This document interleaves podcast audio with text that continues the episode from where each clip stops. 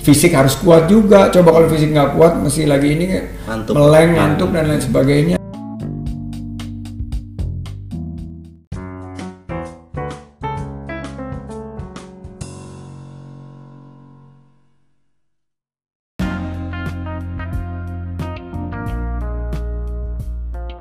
Halo sahabat tech dan teman-teman Alinea.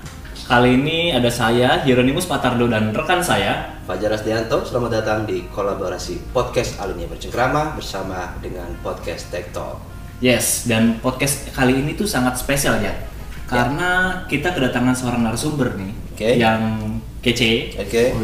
ganteng, Yes. ya. Dan oke oke. Oke, oke. masih muda, Oke. energik lagi dan Oke. karirnya cukup gemilang. Oke, Do, tapi kita kalau misalkan bicara soal karir, uh, Hmm. sosok yang satu ini bukan uh, cuma gemilang dari sisi karir aja, tapi Yes. juga dari sisi politik, terus juga pernah menjadi pengusaha, uh, seorang pengusaha juga, dan bahkan pernah menjadi seorang wakil gubernur ya, Pak, Dan menampingi seorang uh, Pak Anies Baswedan. Dan- Oke, kalau gitu langsung aja nih kita sambut Siap. Sandiaga Uno. Makasih nih untuk teman-teman Alinia dan Tech ID um, sudah mengundang dan mudah-mudahan podcast kita uh, bisa membuka wawasan kita untuk terus membangun bangsa ini. Siap. Kita panggilnya Bang Ah, aja ya, boleh. Bang ya? Bang boleh, Mas boleh, Oke. Jadi bebas aja. Bebas. Bro boleh juga bro. Bang bro boleh. Bang, bro. Oke, Bang Bro. Ya. Nah, Oke. Bang Bro Jadi boleh. kabarnya gimana nih? Sehat-sehat kah? Keluarga? Sehat, alhamdulillah. em, dan sekarang banyak waktu untuk eh, olahraga. Hmm. Cukup tidurnya, makan dijaga. eh, alhamdulillah sehat. Eh, dan senang aja sih ngamatin perkembangan eh, industri, Hmm. terutama industri-industri tek- berbasis teknologi, Hmm, oke. revolusi industri 4.0. Yes. Milenial nih lagi hits banget. Eh, Kita ya, Pak? Ya ini milenial banget. Dan pengen lebih banyak tahu sih sebetulnya tren-tren terkini. Dan Iya. kalau misalnya podcast ini bisa nggak satu arah aja dari saya, tapi kita juga ikut mengedukasi masyarakat apa sih tren tech terkini dan saya lagi baca buku nih eh, kalau bicara tadi kegiatannya apa aja, eh, bukunya judulnya Robot Proof. Oke. uh, the role of higher education in uh, the era of artificial intelligence. Oke. Hmm. Jadi gimana sih uh, kita menempatkan diri khususnya di uh, menyiapkan generasi ke depan uh, agar kita mampu untuk terus berperan secara positif. Oke. Kan sebentar lagi uh, banyak lapangan pekerjaan yang tergantikan sama robot. Iya. Betul. Uh, jenis apa aja gitu loh Ya. dari uh, olahraga aja sekarang udah berevolusi jadi e-sports. Uh, dan beberapa tren-tren terkini dan bagaimana peran dari uh, dunia pendidikan kita untuk menyiapkan anak-anak yang ke depan yang bisa berdaya saing bisa ter uh, involve atau uh, bisa dikaryakan, bisa ikut berpartisipasi di perkembangan industri yang luar biasa itu jadi tantangan sendiri. Oke. Nah kalau tadi Bang Sandi sempat ngomong bahwa baca buku robot proof dan lain sebagainya, ini jadi satu hal yang menarik sebetulnya. Orang banyak tahu Bang Sandi sebagai seorang pengusaha, sebagai seorang politikus. Tapi apa yang mau kita bicarakan saat ini bukan eh, posisi Bang Sandi sebagai seorang politikus, bukan sebagai seorang bisnismen, tapi sebagai eh, jabatan baru yang saat ini diemban oleh Bang Sandi yaitu sebagai Dewan Pembina e-sports uh, Dewan Pembina Pengurus Besar e-sports Indonesia ya Bang Sandi ya. Jadi kemarin baru dilantik pada tanggal 20 Januari kalau nggak salah Bang. Iya masih ini baru banget belum sempat sebulan malah Belum sampai sebulan. ya? belum sampai sebulan dan saya eh, sangat eh, tersanjung dan merasa terhormat diundang Hmm. sebagai eh, salah satu dewan pembina di PB terbaru ya yang memiliki eh, kasanah eh, olahraga di Indonesia. Kalau sebagai pengurus eh, PB sebelumnya saya sudah beberapa kali Udah. berkecimpung mulai dari basket, atletik, Hmm. pernah jadi ketua umum renang Oke. dan akuatik. Jadi kalau di olahraga ini memang passion saya di olahraga uh, dan berorganisasi. Jadi kemarin ketemu uh, pas pelantikan di Hotel Indonesia Kempinski. Kempinski ya. Saya senang banget gitu, apalagi uh, sekarang melihat fenomena e-sport hmm. yang hmm. luar biasa ya bahwa hmm bukan hanya potensi dari kita meningkatkan prestasi anak-anak muda mm-hmm. ke depan, tapi juga dari industrinya sendiri. Okay. Bagaimana peran industri yang sekarang skalanya sudah di atas satu miliar dolar ini oh, iya. dalam uh, menjadi satu pilar uh, untuk pembangunan Indonesia ke depan. Okay. Uh, juga peluang-peluang apa saja yang mm-hmm. ekosistem e-sport ini hadirkan mm-hmm. uh, untuk anak-anak muda dan bagaimana kita uh, menata uh, e-sports ini supaya bisa bermanfaat sebaik-baiknya untuk masyarakat Indonesia tentunya. Hmm. Oke. Okay. Nah bang, kalau sebelum kita terlalu jauh nih bang, mau tanya dulu sebetulnya sebagai dewan uh, seorang dewan pembina di pengurus besar, gitu. apa aja sih yang kira-kira bang bakal urusin di PB Sports Indonesia? Apa sih rencana-rencana yang mau di? Secara spesifik uh, kita ditugaskan untuk pertama tugas pertama adalah membangun um, tentunya pengurus-pengurus provinsi, pengurus hmm. daerah hmm. e-sports di minimal uh, hmm. eh, 16 provinsi okay. agar kita bisa didaftarkan dan menjadi anggota KONI. Okay. Uh, sampai kemarin sudah ada konfirmasi sampai 26 provinsi sudah siap. 26 hmm. provinsi. Ya, jadi um, itu tugas yang paling menurut kami menjadi sangat strategis agar kita bisa langsung hmm. uh, eksis dan menjadi anggota KONI. Uh, kedua adalah menata regulasinya okay. Uh, agar ada satu acuan panduan hmm.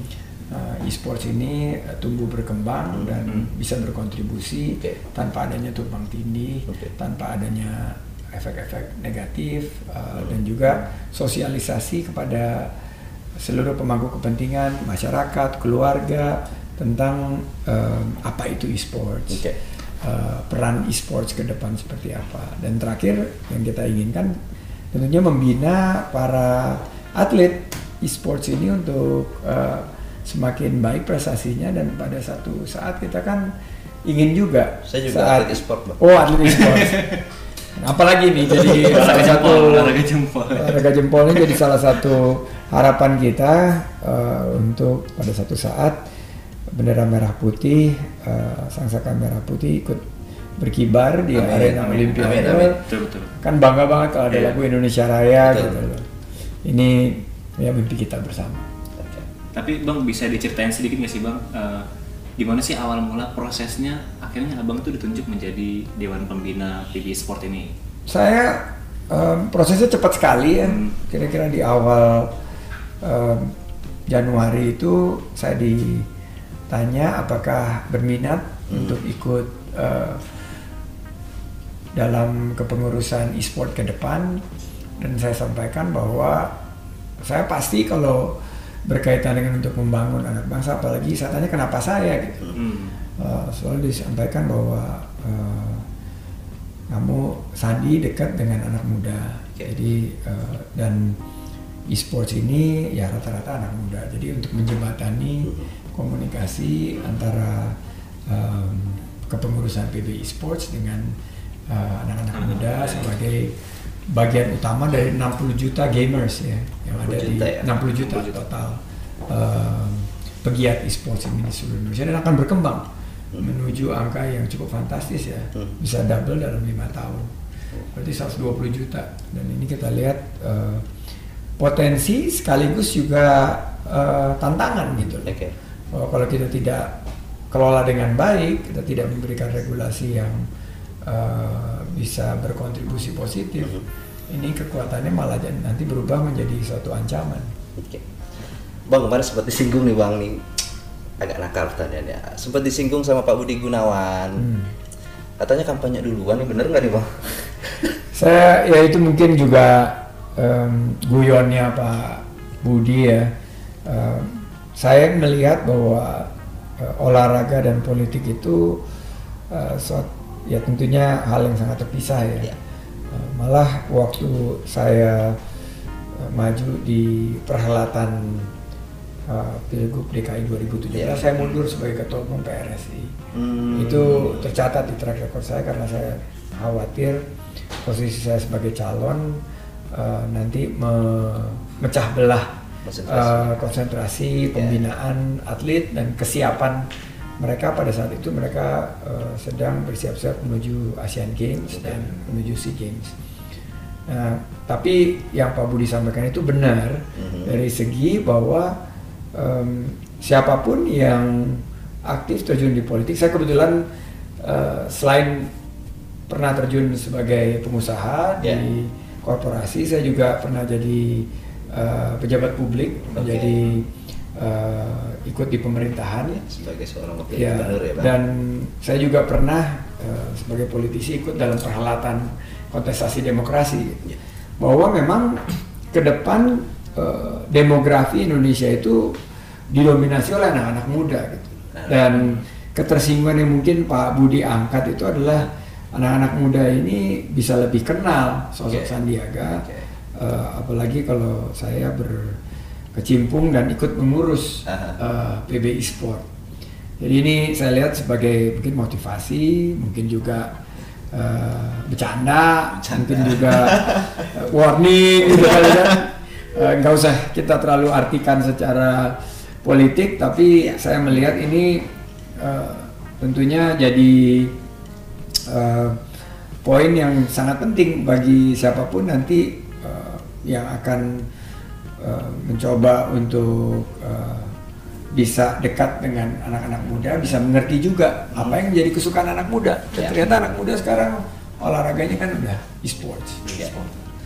Dan ini bang, apa kalau kita tahu kan sebelumnya udah ada beberapa asosiasi sport yang dibangun ya di Indonesia ya kayak E ISPL, terus ISPA. Nah itu nanti posisi PB e-sport itu ada di mana tuh bang? Ya kita ingin eh, berada di atas eh, semua kepentingan. Hmm. Kita bicara mengenai eh, NKRI, Hmm. kita tidak bicara mengenai satu asosiasi atau golongan tertentu, tapi kita berbicara mengenai Indonesia Incorporated.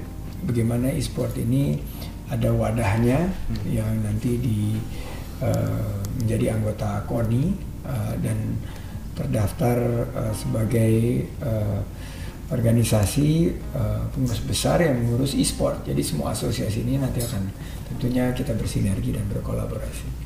Hmm, Jadi mungkin ada untuk asosiasi-asosiasi itu gitu Ya, Mas, wadah dan untuk- semua pemangku kepentingan ya, Hmm. stakeholders dan eh, juga para pegiat e-sports club. eh, mungkin nanti ke depan eh, game eh, builder atau game Hmm, developer. developer. Eh, juga kita lihat mungkin dari kan kalau olahraga itu kita bicara seluruh ekosistemnya Iya. sangat Iya. eh, luas ya. Ada nanti televisinya, ada juga broadcasting rights, ada MC-nya kemarin kan waktu di Piala Presiden MC-nya khusus yang eh, kenal dengan e-sports, Eh, ada penontonnya juga. Iya, iya. Juga ada kompetisi yang akan digulir secara rutin dan resmi untuk eh, meningkatkan prestasi daripada atlet-atlet e-sports. Jadi eh, kalau dibilang semualah komprehensif yang nanti akan ditekuni oleh PBI Sports dan kita tentunya sebagai bayi yang baru lahir akan eh, berusaha untuk cepat belajar eh, berjalan dan lari, Lari. untuk eh, ya mengejar potensi ini potensi karena potensinya kan sangat luar biasa.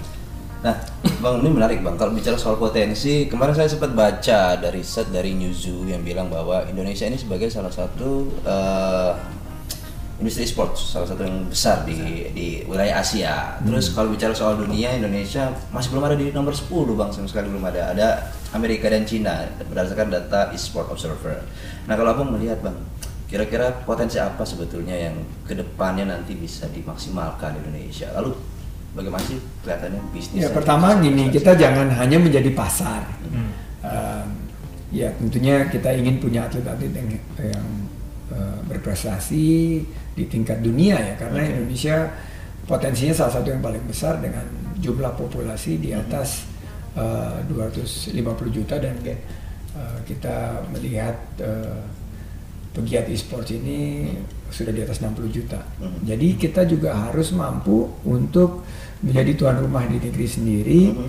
untuk menjadi game developer Mhm. uh, dan kita juga harus punya publisher-publisher yang kuat. Mhm. Kita juga harus punya tim-tim yang kuat. Oke. Kita punya coach, trainer, kita punya uh, packaging atau kemasan yang uh, tentunya jadi uh, jadi acuan uh, dari uh, atlet-atlet e-sports dunia ini Indonesia harus harus ada di uh, lokomotif jangan kita bicara 10 besar. Menurut saya kita harusnya ada di paling tidak lima besar. Karena kalau kita lihat potensinya lima besar dunia. Uh, tapi di segala bidang dari e-sport itu kita harus juga mampu untuk tampil paling tidak di di papan atas gitu. Ya. Uh, kita harus naik kelas. Dan saya cukup optimis ya melihat potensi atlet-atlet kita terutama atlet-atlet muda kan Uh, di usia muda itu mereka hand eye coordination itu sangat penting Yes. kan Mhm. dan refleksnya itu sangat cepat, uh, ya, sangat uh, di- menentukan uh, daya saing dia Hmm. jadi dilatih dengan baik dipastikan mereka uh, memiliki akses terhadap coach yang terbaik uh, tim yang mensupport dan saya senang banget nih banyak sekali dunia usaha juga ikut uh, terjun nih Iya. perusahaan-perusahaan besar udah punya tim juga Iya, Iya, iya. ini jadi uh, satu uh, dorongan yang merupakan kolaborasi uh, antara public private partnership. Jadi publiknya itu ikut aktif, uh, pemerintah juga ikut aktif, empat kementerian loh turun turun tangan khusus untuk membina e-sport ini. Ada PB, PB e-sportsnya juga. Uh, juga ada dunia usaha, ada korporasi dan tentunya uh, ekosistem ini bisa bisa menjadi ekosistem yang yang sangat mumpuni. Oke. Bang bicara soal tadi ada bisnis eh, investasi bang sebagai dewan pembina nih pengalaman saya sih bang selisik punya selisik biasanya kalau orang ditunjuk sebagai dewan pembina itu biasanya punya investasi yang juga besar juga nih di eh, salah satu klub abang abang gimana bang? Um, karena tentunya saya udah keluar dari bisnis uh, dari tahun 2015 banyak klub-klub ini dimiliki oleh langsung oleh perusahaan-perusahaan yang mengembangkan. Dan uh, uh, saya walaupun uh, masih uh, waktu masih aktif di balai kota uh, ikut uh, memantau perkembangan e-sport ini uh, ya tentunya saya lihat bahwa potensinya selain klub uh, bukan hanya investasinya ya Iya. tapi saya lihat malah uh, bagaimana klub-klub ini uh, membina uh, SDM kita Mhm. karena kalau cuman bicara hebat-hebatan investasi banyak-banyakan besar-besaran Aha. em, tapi minim prestasi nanti akan nggak berkelanjutan nggak sustainable Ya. Jadi saya melihat bahwa em, ini ada beberapa data-data yang menurut saya sangat relevan ya bantu baca ini ya Ya. bahwa tahun 2022 Global Games itu eh, industri gaming secara global akan Oke. tumbuh menjadi 200 miliar US dollar. Jadi ini jumlahnya besar banget gitu. Dan pasar dari eh, industri gaming ini udah sama besarnya dan akan melampaui pasar alat konstruksi global. Alat konstruksi ini untuk membangun Properti seperti gitu ya. properti, gedung-gedung tinggi, infrastruktur. Nah di Indonesia dengan 60 juta pemain e-sports ini, tim-tim jawarannya eh, juga sudah mulai banyak ya. Kemarin Yeah. kita udah lihat di beberapa turnamen turnamen kelas regional dan di Indonesia sendiri sudah satu miliar dolar. Jadi tadi bicara investasi. Hmm. Nah industrinya sendiri aja udah di atas 13 triliun. Dan di tahun 2022 double.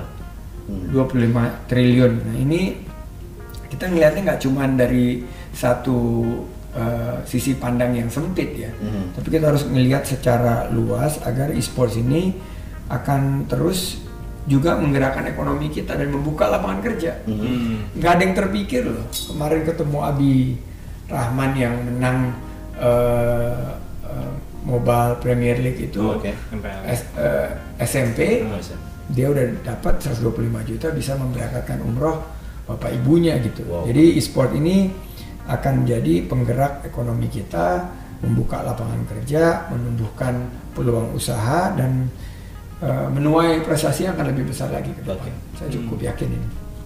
Nah ini bang, kita sempat ngumpulin beberapa pertanyaan-pertanyaan nih bang dari netizen.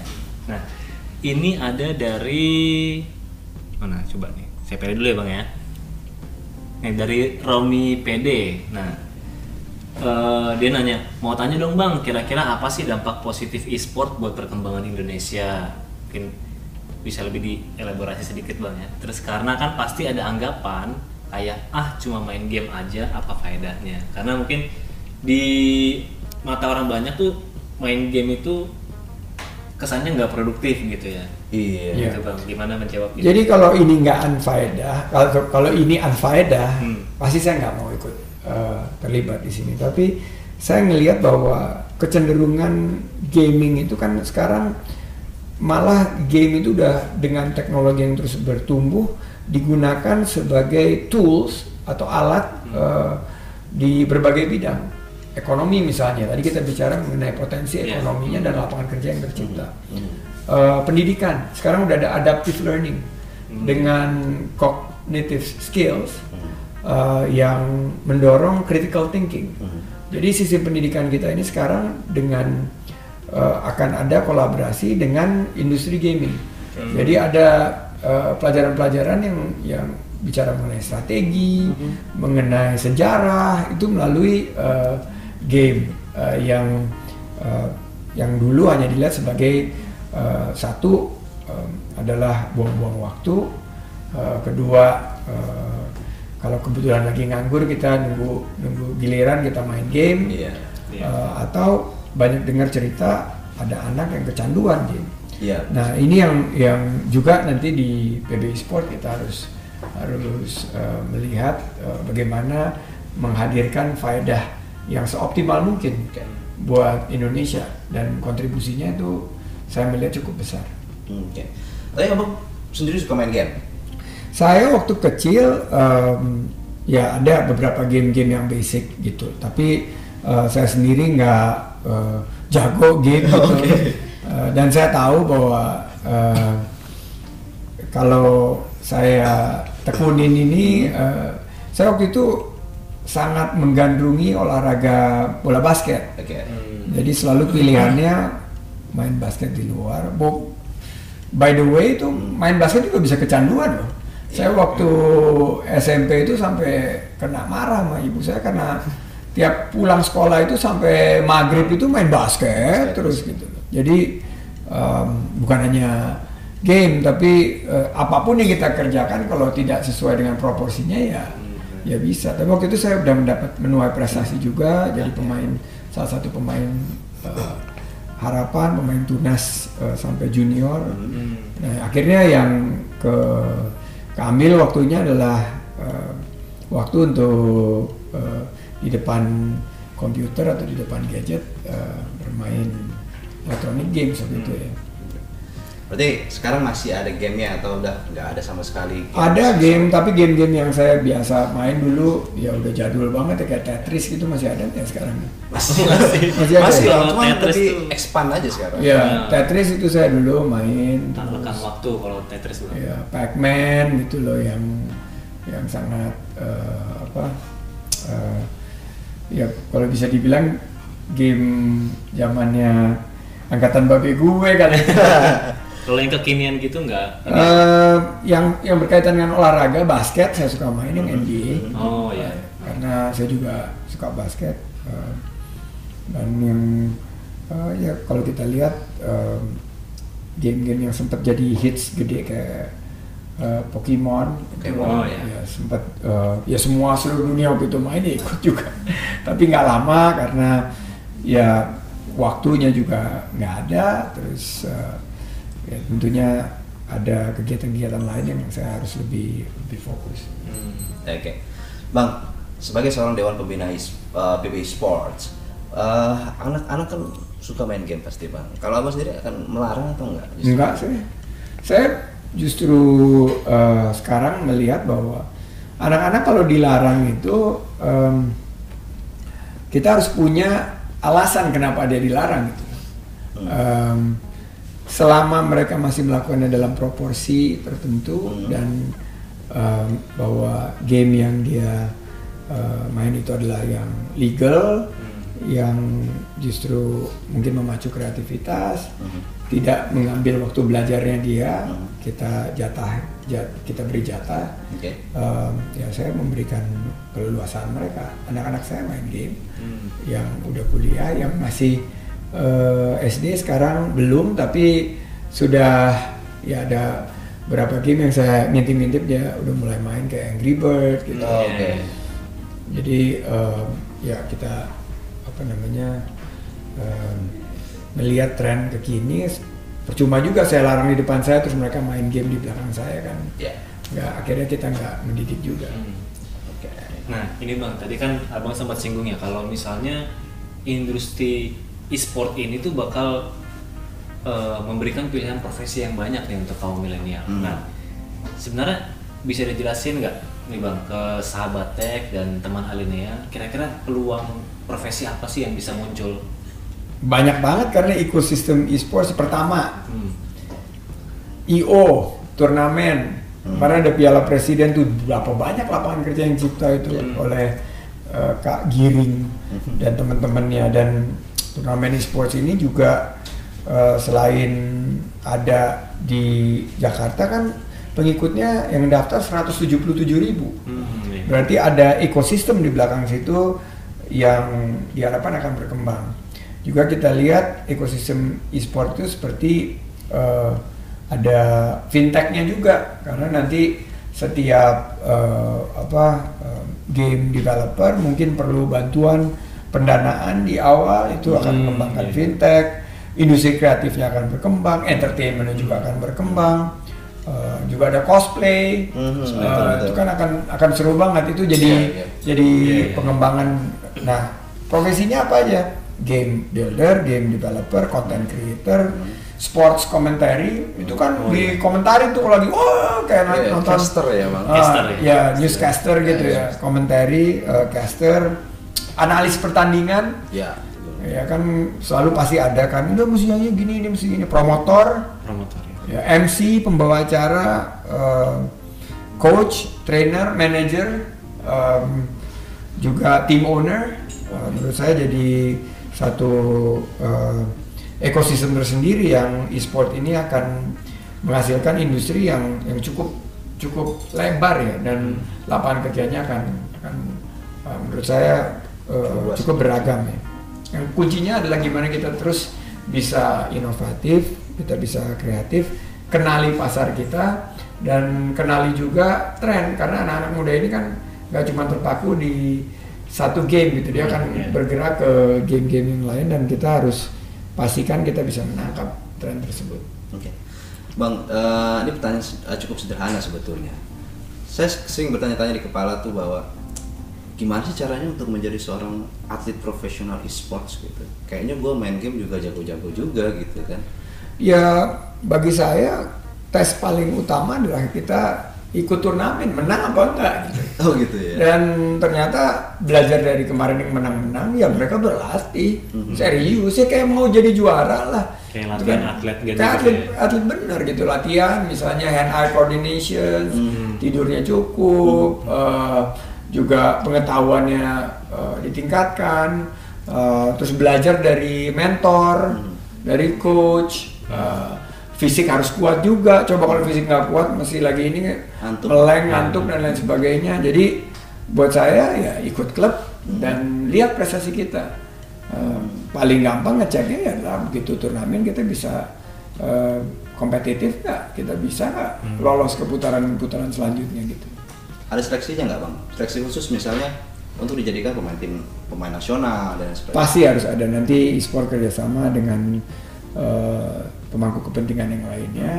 Kita kuncinya adalah jangan reinvent the wheel. Oke. Jangan kita, uh yang udah ada kita buat regulasinya lagi akhirnya tumbang tindih, Ya. eh, akhirnya malah eh, menjadi penghambat berkembangnya eh, prestasi eh, para atlet e-sports. Tapi kita harusnya memfasilitasi. Oke. Konsepnya itu kita bersinergi, konsepnya itu kita eh, bantu Hmm. apa yang sudah uh, eksis sekarang dan kalau ada yang belum ya kita bantu hadirkan gitu. Itu itu mestinya menjadi uh, mo- apa satu kredo di di PBI Sport. Kita harus lihat peta uh, mana yang kita harus fokuskan dan kita harus jelas gitu target-targetnya apa.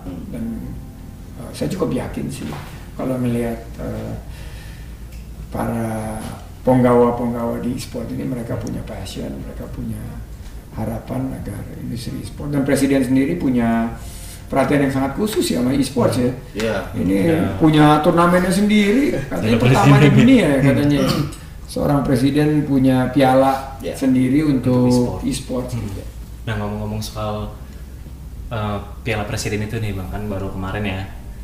Kira-kira nih bang melihat acara itu menurut bang Sandi tuh apa sih yang perlu dibenahi lagi dan apa sih yang harus ditambahkan lagi supaya eventnya tuh bisa makin Saya lihat sih udah bagus sekali ya eventnya Hmm. ya. Malah kalau dibanding dengan event-event olahraga uh, di cabur yang lain ya ini dikemasnya udah ada TV-nya, Hmm. Iya.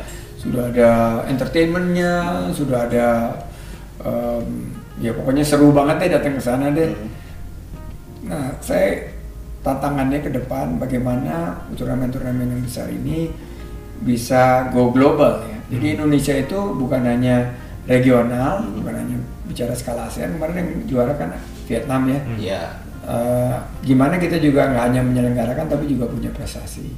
Eh, gimana caranya juga tingkat dunia gitu Eh, di Indonesia kejuaraan dunia e-sport gitu.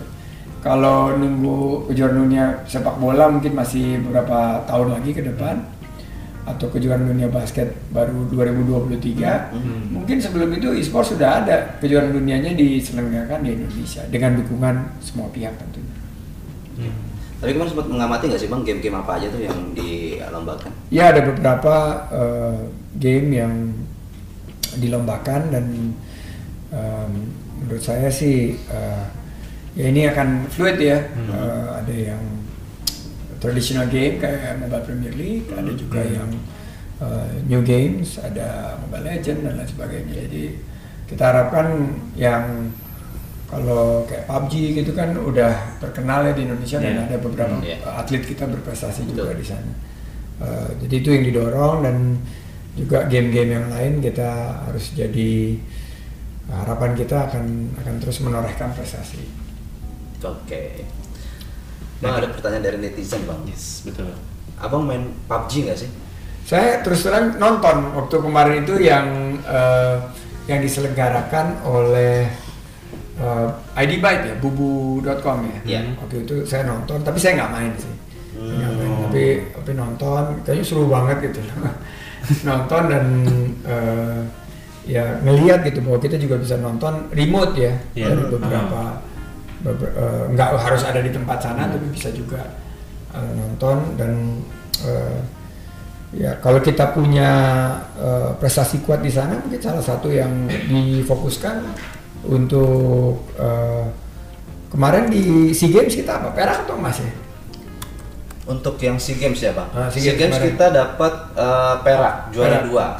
Perak. Kalah melawan Filipina. Filipina ya. Iya. Di ASEAN Games waktu eksibisi kita juga eh, kita belum dapat medali waktu itu ya. Iya. Ya inilah tantangan dibawa di e-sports kita ingin eh, kembangin eh, prestasi kita. Oke. Nah bang, sedikit tambahan aja. Buat nambah satu pertanyaan. boleh boleh boleh Masih penasaran soal soal e-sport di Indonesia. Sebetulnya kemarin saya sempat baca beberapa artikel. Ada eh, Mid Plaza Holding ini masih penasaran sih bang. Mid Plaza Holding investasi di eh, klub eh, e-sport Evos. Nah, dikit bang. Ini kalau nggak salah ya, kan abang juga ada sedikit saham di Mid Mid Plaza Holding. Nah ini apakah itu juga bagian dari eh, keinginan abang juga untuk berinvestasi di e-sport atau bagaimana? Natural aja sih menurut saya. Em, investasi itu akan lahir kalau potensi eh, ke depan bisa menghasilkan yang disebut sebagai above average market return. Jadi kalau eh, hasil dari investasi itu uh, bisa menjanjikan satu imbal hasil yang um, di atas um, imbal hasil yang dihasilkan misalnya deposito atau obligasi itu pasti investasi akan masuk dan uh, setiap perusahaan termasuk uh, Mid Plaza dan perusahaan-perusahaan lainnya dan perusahaan uh, ada beberapa perusahaan yang, yang uh, terafiliasi dengan saya pasti melihat hal yang sama juga Oke. uh, bahwa pada saatnya nih ke depan ini pasti nilainya akan akan bertambah gitu. Besar, ya. akan besar jadi sekarang itu value-nya mungkin masih di klub. Uh, ke depan menurut saya adalah game developer. Uh, di situlah yang karya-karya anak bangsa yang kemarin oleh Kominfo dan uh, Backcraft dibantu. Ya Backcraft sekarang jadi Kementerian Pariwisata dan Ekonomi Kreatif. Uh, itu jadi jadi satu apa namanya uh, um, PR yang paling gede ya menurut saya. Karena kalau saya lihat dagingnya itu selain di tim Ya. dagingnya itu ya di di publishing di game Mhm. sama di monetisasi dari uh, turnamen-turnamen ini sendiri Oh, gitu ya karena turnamen itu menghasilkan konten Iya betul. dan konten ini yang laku orang nonton Laris. gitu laris pun nonton bang. nonton banget gitu loh dan di situ bisa lagi ter termonetisasi dengan dengan menghasilkan satu tentunya yield atau keuntungan tertentu bagi seorang investor. dan sebenarnya juga ada banyak harapan juga sih bang dari dari netizen. Sama saya saya sendiri juga gitu ya. Eh, e-sport itu bisa mengangkat game lokal Indonesia sampai ke tingkat global gitu bang.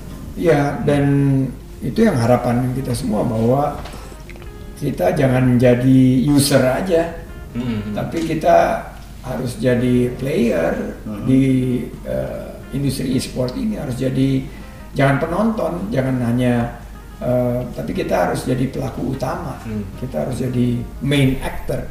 Dan kalau kita lihat kan kue eh, eh, ekonominya di e-sport ini ya akan terus berkembang. Jadi kita harus ambil eh, posisi yang strategis Hmm. di eh, industri e-sport ini. Oke. Saya, saya yakin lah nanti dengan dukungan Alinea dan Siap. ID. Oh, siap Siap. Terus eh, karena perlu salah satu yang yang jadi em, ganjalan kemarin waktu eh, konferensi pers adalah tantangan utama bagi e-sports ini adalah di rumah sebetulnya oleh orang tua yang melarang gitu. Iya bang. Nah, ini yang harus disosialisasi bahwa em, selama dikelola dengan baik Betul. Dan diberikan eh, rambu-rambu yang baik seperti anak di bawah 13 tahun tidak boleh main eh, game yang tersambung dengan internet. It has to be stand alone Yes. konsol gitu misalnya. Mhm. Eh, itu harus harus jadi dan dia bisa di eh, diawasi justru. Jadi justru orang tuanya ikut mengawasi. Dan ini adalah interaksi eh, apa anak dan orang tua. Jadi itu tantangan kita. Alinea sama Tech ID kita harapkan bisa jadi eh, bantu untuk sosialisasi ke seluruh Siap. siap. Masyarakat. kalau itu kita siap diajar ya Siap dong. Selalu siap. Ajar dan hero. ini hero nih kelihatannya memang eh, sudah ditakdirkan jadi pahlawan. Iya betul. hero namanya. amin Amin. Amin. saya aminin Amin. oke begitu aja bang Sandi Terima kasih banget. terima kasih Hero, terima kasih Alinea, terima kasih Tech. Mohon dukungannya buat PB Esports. Siap pak. Dan salam untuk seluruh pegiat esports eh, Indonesia. Nantikan nanti event-event selanjutnya. Hmm. Kita akan keliling Indonesia juga karena akan ada 26 eh, pemprov Hmm. yang akan segera dilantik. Eh, jadi bagi yang kebetulan suka juga berorganisasi, Ya. em, kita eh, berikan ruang dan tempat anak-anak muda untuk gabung di PB Esports maupun di pengurus provinsi esports di seluruh Indonesia. Oke, oke sahabat Tech dan teman Alinea itu tadi obrolan kita bersama dengan Dewan Pembina PB Esport Indonesia Bang Sandiaga Uno. Jadi buat kalian semoga eh, pembicaraan kita kali ini bisa memberikan insight-insight sebenarnya apa sih itu PB Esport Indonesia, terus eh, tugasnya apa? Tadi kayak Bang Sandi bilang Ya. itu akan mewadahi semua kepentingan yang ada di sport gitu ya bang Iya. dan betapa besar potensi sport ini sebenarnya di masa depan ya Betul, dan yang penting anak muda, milenial, kata Bang Sandi tadi juga disampaikan bahwa boleh serius main game, boleh fokus main game, tapi jangan lupa hal lain ya gitu ya Bang ya. Yes. Tapi dan banyak sekali potensi besar di e-sports juga, uh, baik menjadi seorang atlet, menjadi seorang pemotor, menjadi seorang caster dan lain sebagainya. Oke. Oke, thank you banget untuk narasumber kece kita kali ini. Semoga obrolan ini bermanfaat ya buat kita semua sekali lagi Berfaedah. dan Berfaedah. berfaedah sekali. Dan terakhir sukses untuk Bang Sandi untuk segala usaha-usahanya untuk Amin. di Dewan Pembina PBI Sport ini. Amin. Terima kasih Semoga. terima kasih Fajar. Yes, Sukses. semoga kita bisa ngobrol lagi di lain kesempatan. Amin. Untuk teman Alinea dan teman Alinea dan sahabat Tech sampai sini dulu podcast kita. Nantikan episode-episode berikutnya dari podcast kita. Oke. Oke. Kita pamit undur diri dulu. See you guys. Oke.